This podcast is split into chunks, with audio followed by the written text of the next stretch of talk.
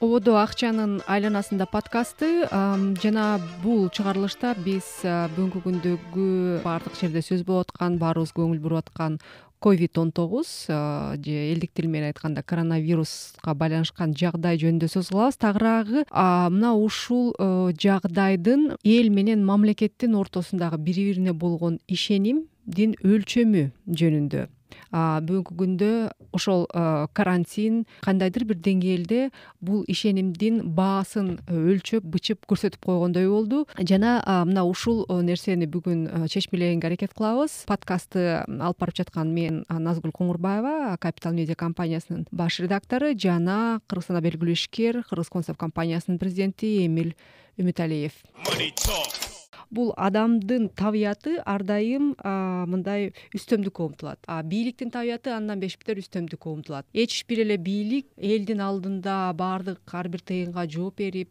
жооптуу болгусу келбейт? жооптуу болгусу келбейт. Ошон үчүн жооп бергиси келбейт? ошон үчүн жооп бергиси да келбейт. Жана эл менен кеңешпестен жана сиз айткандай мисалы үчүн кимдин колунда ким күчтүүрөөк болсо үй бүлөдө мисалы үчүн көп учурда бизде патриархалдык коом болгондуктан эркектер күчтүүрөөк болот дагы үстөмдүк менен акчаны эркектер башкалат анан эч качан баласынын үй бүлө башка үй бүлө мүчөлөрүнүн кызыкчылыгын эске албай мына ошол эркектин гана кызыкчылыгы болгон нерселерге көбүрөөк акчалар жумшалып кетет. Эгер биз ушул эле мисалды мамлекеттин деңгээлине алып келе турган болсок бүгүнкү күндө деле биз ошол нерсени так даана көрүп атабыз. Ооба. Мисалы үчүн бүгүнкү күндө биз өкмөт деп өзүн атаган топ эмнени туура деп көрсө кайсыл өздөрүнүн кызыкчылыгына дал келсе ошол багытка жумшайт.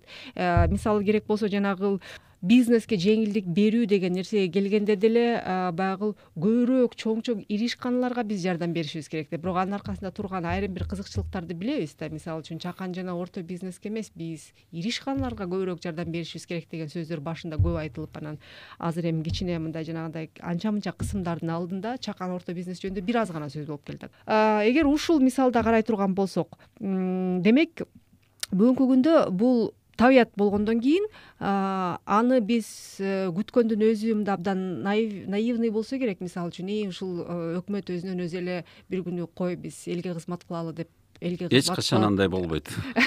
Демек бул жерде талап жана сиз айткандай билимдин негизи билимге негизделген ынтымак дегендей мисалы үчүн биздин коом дагы жөн эле баягы куру кыйкырык менен эмес конструктивдүү бир өзүнүн талаптары менен мына ушул нерсеге жетиши керек болсо керек. Мисалы мен менин салыгым кайда кетип атканын билгим келет.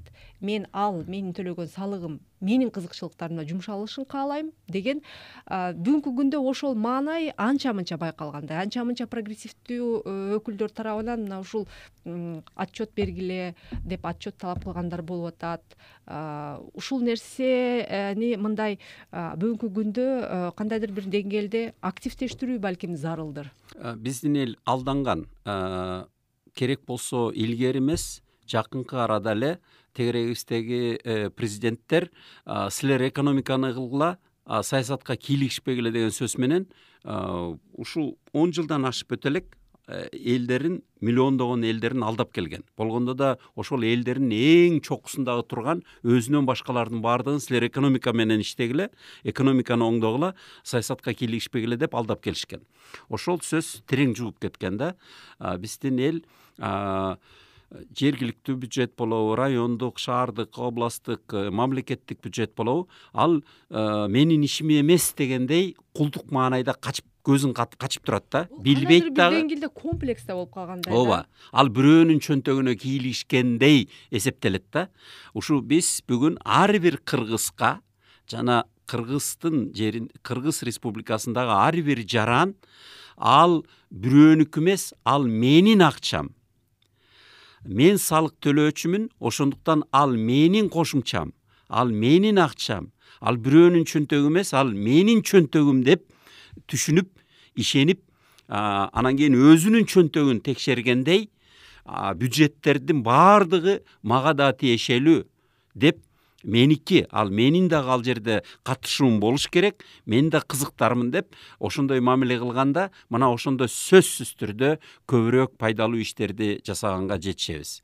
Ар бир кыргыз ар бир адам ар бир жаран баардык бюджеттерге эгерде ал менчик бюджет болсо окей менчик бюджетке тийишмей жок ар бирөөнүн жеке менчик э, бюджетине үй бүлөнүн ичинде эгерде менчик бюджетибиз болот деп келишимге келишсе ага кийлигишмей жок. Эгерде ишкананын менчик бюджети болсо ишкананын канча ээси болсо ошолордун тиешеси бар калгандардын тиешеси жок. Эгерде бир коомдук уюм болсо ошол коомдук уюмдун э, катышуучулары бюджетке салык э, салымын кошкон катышуучулардын баардыгынын астында ал бюджет ачык болуш керек калган кишилердин тиешеси жок. А бирок жергиликтүү бийликтен баштап мамлекеттик деп аталган жергиликтүү бийликтин бюджети жана чокусундагы мамлекеттик бюджет бул ар бирөөбүзгө тиешеси бар. Ар бирөөбүздүн акчабыз ал жерге ар бирөөбүз кошумча кылганбыз. Ал бирөөнүн чөнтөгү эмес ал менин чөнтөгүм деп баарыбыз тең анын корголушуна сактыгына жана керектүү макулдашылган жол менен иштетилишине жана баардыгына тең пайдалуу иштерди жасалышына биз көзөмөл кылганды үйрөнүшүбүз керек да? Алды менен менимче биз керек болсо акча санагандан уялуу комплекстен арылышыбыз керек болуш керек. Себеби бир четинен бирок э, тактайлычы дагы бир э, мисал менен. Совет доорунда пролетариат диктатурасы большевиктер элдин мүлкүн да тартып алып жерин да тартып алганда эмне болду эле? Мен күбө болгом колхоздун жериндеги өскөн оокаттарды ар ким өзүнүкүндөй сезчү эмес. Аны түнү барып эң тентектери уурдачу күндүзү барып көрбөгөн жерден ар киминиси акырын четинен жок дегенде бир эки дүмбүлдү алып кетчү. Ал меники деп эч ким эсептечү эмес бирөөнүкү деп да эсептечү эмес. Ал мындай абстрактуу болчу. э, ал абстрактуу болгонунун себеби мисалы үчүн ошол нерсенин пайдасын ошол эч кимге уурдап аткан адам көргөн эмес да түздөн түз өзү ооба ал уурдаса уурдаса баардыгы макул болчу анткени жок дегенде пайда көрүп калсын кошунан пайда көрүп калсын деп. А бирок баардыгына тиешеси бар ошончолук калыс адилеттүү жол менен пайдасын берип атат деп эч ким ишенчү эмес ошондой эле шаардагы курулуштарда баары тең уурдай берчү четинен канча киши катышса баары тең четинен уурдай берчү түн ичинде кароолчу болсо деле баары бир ошол жерден уурдала берчү. Ошентип канча киши ошол жерге э, э, ошол жерде жашаса баардыгы тең четинен бири биринен билмексен болуп баары эле билип турган жерден бирок уурдай берчү. Баардык ишканалардан ошентип четинен уурдала берчү. Жетекчилери көбүрөөк уурдап кароолчулары андан кийинкилер болуп анан жөнөкөй адамдар э, эң уялбагандары көбүрөөк уялгандары азыраак бирок баары тең бир бирдемени бирдемени илип кеткенге үйрөнүп көнүп калышкан. Бүгүн биздин мамлекетибиз ошондой акыбалда да эгерде бизге таандыгы жок десек биз уурдаганы уурдап уурдабаганы ошо эми уурдап атса эмне кылам деп кайдыгер мамиле кылышат да качан ар бир адам эгемендүү өзүнүн ишкерлиги менен өзүнүн ишкерлигине ээ болуп намысы толуп эгемендүүлүгү корголуп анан анын аркасынан эркиндигине ээ боло баштаганда анан ошол адамдар көбүрөөк айлана чөйрөсүн үйрөтүп мамлекеттик бюджет дагы биздин бюджетибиз деп аны коргогонду жана аны өз чөнтөгүн коргогондой коргоп жана анын иштетилишине катышып көзөмөл кылганды үйрөнүп келишибиз керек да. Ал үчүн ар бир жаран бул менин бюджетим деп эсептеш керек эми бул э, нерсе кандайдыр бир деңгээлде табигый жол менен эволюциялык эволюция болуп келаткан деп айтсак да болот да. Мисалы үчүн сиз мисалы үчүн айттыңыз өзүңүз ошол нерселерди көрүп калгансыз. Мисалы үчүн советтик адамдар советтик ошол системаны көнүп көрүп ошого көнүп калган адамдардын аң сезими дагы деле ошол деңгээлден чыга элек. Жана мен өзүмдүн эле тегерегимдеги көп улуумундагы адамдардан байкайм. Мисалы үчүн алар ошол нерсеге абдан макул керек болсо жана кандайдыр бир деңгээлде ностальгия болушат да ошол жөнүндө. Анан ортодо бир кандайдыр бир мындай жоголгон бир муун пайда болду же ары жакта эмес же бир жаңы түшүнүктөр менен калыптанган эмес. Бул кайсыл бир деңгээлде биз бир бутубуз советтер союзунда калып калды дагы экинчи бутубуз менен биз бул жаңы доорго кирген сыяктандык. Бирок ошентсе дагы өтө жаңылыш анан көптөгөн комплекстерибиз бар. Анан улам кийинки мисалы үчүн мен улам кийинки муундун э, өкүлдөрүнөн байкайм алардын мисалы үчүн э, акчага болгон жанагы кичинекей кезинен акчага болгон кандайдыр бир так даана мамилелери бар. Бирок көп учурда ата энелери коркуп бул ачкөздүк жана башка деп аны дагы бир мындай э, башка жака буруп ийгиси келет да. Демек кандайдыр бир деңгээлде бул нерселер табигый жол менен өнүгөт деп айтсак болобу? Э, бир четинен болот бирок э, алдын ала уттуруп койгон сперматозоид э, алдын ала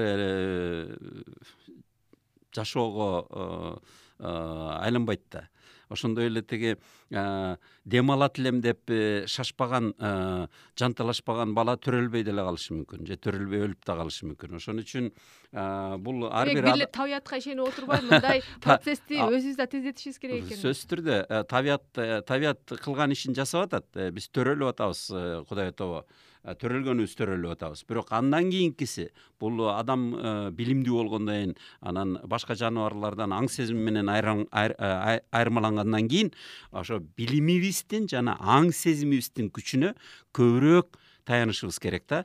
Ооба бирок эми болбосо биз үчүн деле коңшу түркмөндөр үчүн деле убакыт бирдей эле өтүп атат да мындай алып караганда бирок өзгөрүү кайсыл жерде кандай өзгөрүү болуп атат э, бул башка көп факторлордон көп факторлордон таасири тиет. Ал мисалы түркмендердин эмеси бар э, көйгөйү бул э, арзан э, газдын э, кесепетинен бийликке газдын акчасы бийликке түшөт дагы бийлик ага курал сатып алып же курал күчтөрүн баш ийдирип алып анын күчү менен анан элди баш ийдирип алат мисалы. Ал дагы илимдин негизинде тастыкталган нерсе.